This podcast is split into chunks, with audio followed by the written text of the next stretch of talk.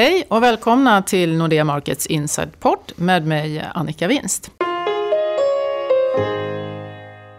Vi har nytt år och tanken från och med nu är att jag ska spela in en podd varannan vecka. Jag ska ha med mig en intern eller extern gäst eh, några gånger och ibland har jag med mig min kollega Johan Turesson. Vi kommer att prata om allt från marknad till ekonomi och politik. Eh, helt enkelt samhällsekonomiskt intressanta frågor. Och idag har jag med mig Johan. Välkommen Johan. Tackar. Och vi har tänkt att prata om eh, vad som 2017 kommer att bjuda på. Dels globalt, men också ur ett svenskt perspektiv. Johan, vad är din reflektion av 2016 och 2017? Då skulle jag beskriva förra året som året där inte bara de stora valen överraskade, men också att marknadens reaktion på de här överraskningarna i mångt och mycket var väldigt oväntad. Skulle du hålla med mig då? Ja, politiken var ju oerhört central eh, förra året och jag tror faktiskt aldrig jag pratat så mycket politik som jag gjorde under förra året. Eh, och när man var klar med politiken då var det centralbankerna som styrde och först därefter kom makro, det som vi egentligen håller på med. Eh, och jag tror att till viss del kommer det se ut så 2017 också. Men det som är viktigt att komma ihåg och som man glömde prata lite om 2016 det var ju att det gick faktiskt ganska bra tillväxtmässigt. Framförallt gick det riktigt bra för Sverige men också bra globalt. Och ett skäl till att marknaden reagerar som de gjorde det var säkert det. Ganska okej tillväxt, centralbanker som var där och kalade och stöttade hela tiden. Och få alternativ att gå till. Eh, och eh, det tror jag ligger bakom eh, mycket av det där. Om vi börjar med förra årets överraskningar då.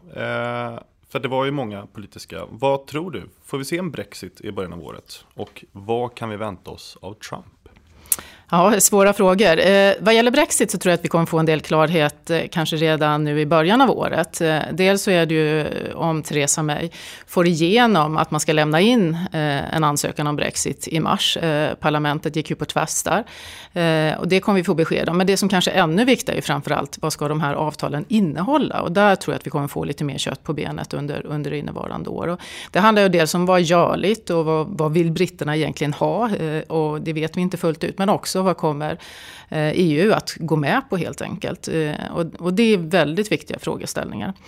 Eh, vad gäller Trump eh, så tror jag att man kan förvänta sig att vi får en mer expansiv finanspolitik. Det tar ju dock lite tid innan det slår igenom så det kanske blir mer tydligt först i slutet av året. Men det finns ju en förväntan om det i marknaden. Och det driver då förmodligen tillväxten. Eh, och eh, förhoppningsvis får vi lite mer klargörande av den politik som Trump vill föra. Det är fortfarande oerhört mycket som är ovisst och framför allt är det väldigt svårt att se hur han ska få det här att gå ihop.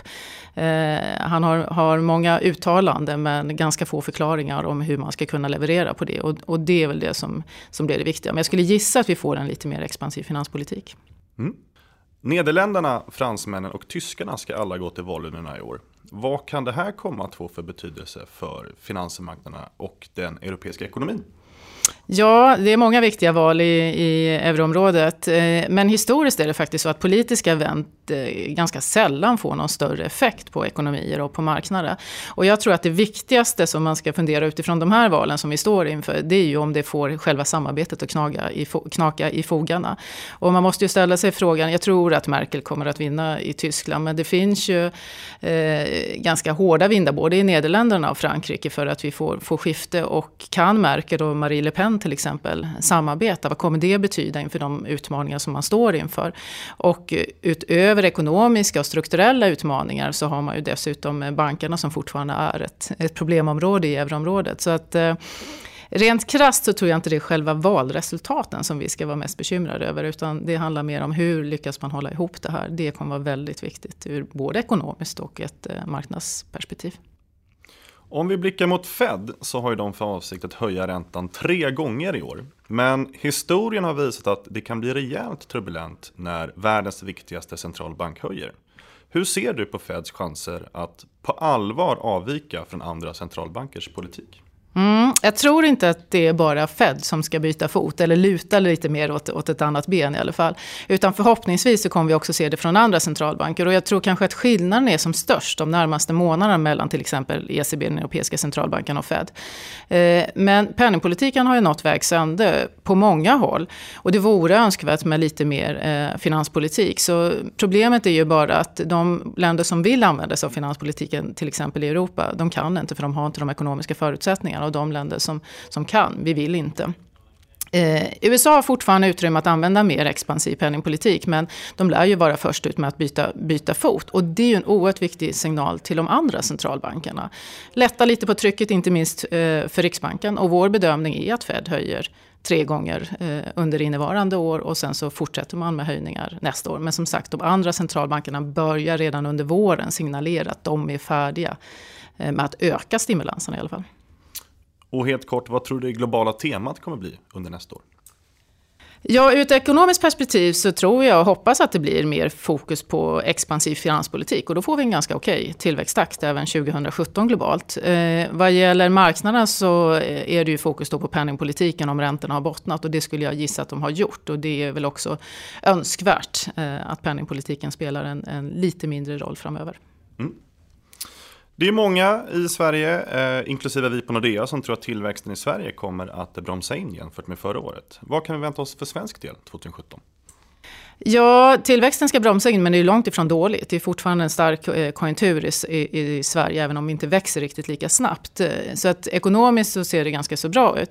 Men jag tror också att Riksbanken tenderar att byta fot och de flaggade ju för det redan i senaste beskedet här att ja, kanske inte kan göra så där väldigt mycket mer och det är också väldigt välkommet om, om det blir så. En sak som Riksbanken tittar väldigt mycket på är ju avtalsrörelsen som ska dra igång. Kan vi få en samordning kring industrimärket? Ja, eh, svår, svår, fråga. Jag tror att eh, man kommer att lyckas hantera den här gången. Men pressen är ju större och större eh, på det. Eh, så tillvida att tjänstesektorn och den vanliga traditionella industrin eh, går allt mer olika vägar. Och det skapar enorma utmaningar. Där tjänstesektorn är pressad med, med brist på kompetens samtidigt som industrin under en lång period då tappar i, i sysselsättning. Och det här är ju oerhört viktigt för Riksbanken. För det har betydelse för hur mycket inflation man får via lönerna. Och där tror jag inte man ska vara så optimistisk. Utan jag tror att vi får löneökningar på drygt 2. Och, och då blir det svårt för Riksbanken att nå inflationsmålet. Utan att lägga någon värdering i om 2 är lagom löneökningar eller ej. Ett annat kärt ämne är ju bostadsmarknaden och hushållens skulder. Hur kommer de utvecklas i år?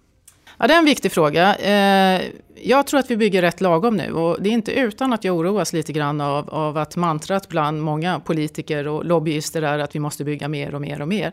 Vi bygger väldigt mycket nu och jag tror att det viktiga är att vi ska bygga rätt saker och att marknaden börjar nog bli mättare inom vissa segment och vi har inte heller alls samma inflöde av asylsökande som vi hade hösten 2015 vilket gör att vi behöver inte riktigt lika många sådana bostäder som vi trodde tidigare.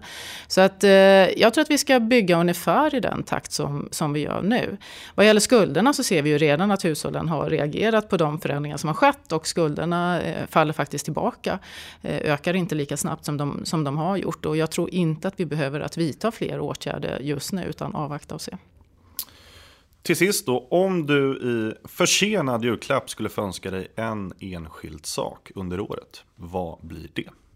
Globalt önskar jag mig en fortsatt öppen värld. Det är oerhört viktigt. Eh, det gynnar alla. Och för svensk del så hoppas jag att vi kommer en bra bit med integrationen. Vi har ett stort behov av arbetskraft som kommer utanför Sverige med tanke på den befolkningsstruktur som vi har. Men vi har också utmaningen med att hjälpa nyanlända med låg kunskap och låg utbildningsnivå till en egen försörjning. Och här önskar jag att alla, såväl myndigheter som näringslivet som vi individer, eh, gör vårt yttersta att ta det här på stort allvar för att hjälpas åt att komma en bra bit på vägen. Jaha, eh, det var väl ungefär det som vi har eh, hinner med under de här minuterna idag. Johan, har du något som du vill tillägga?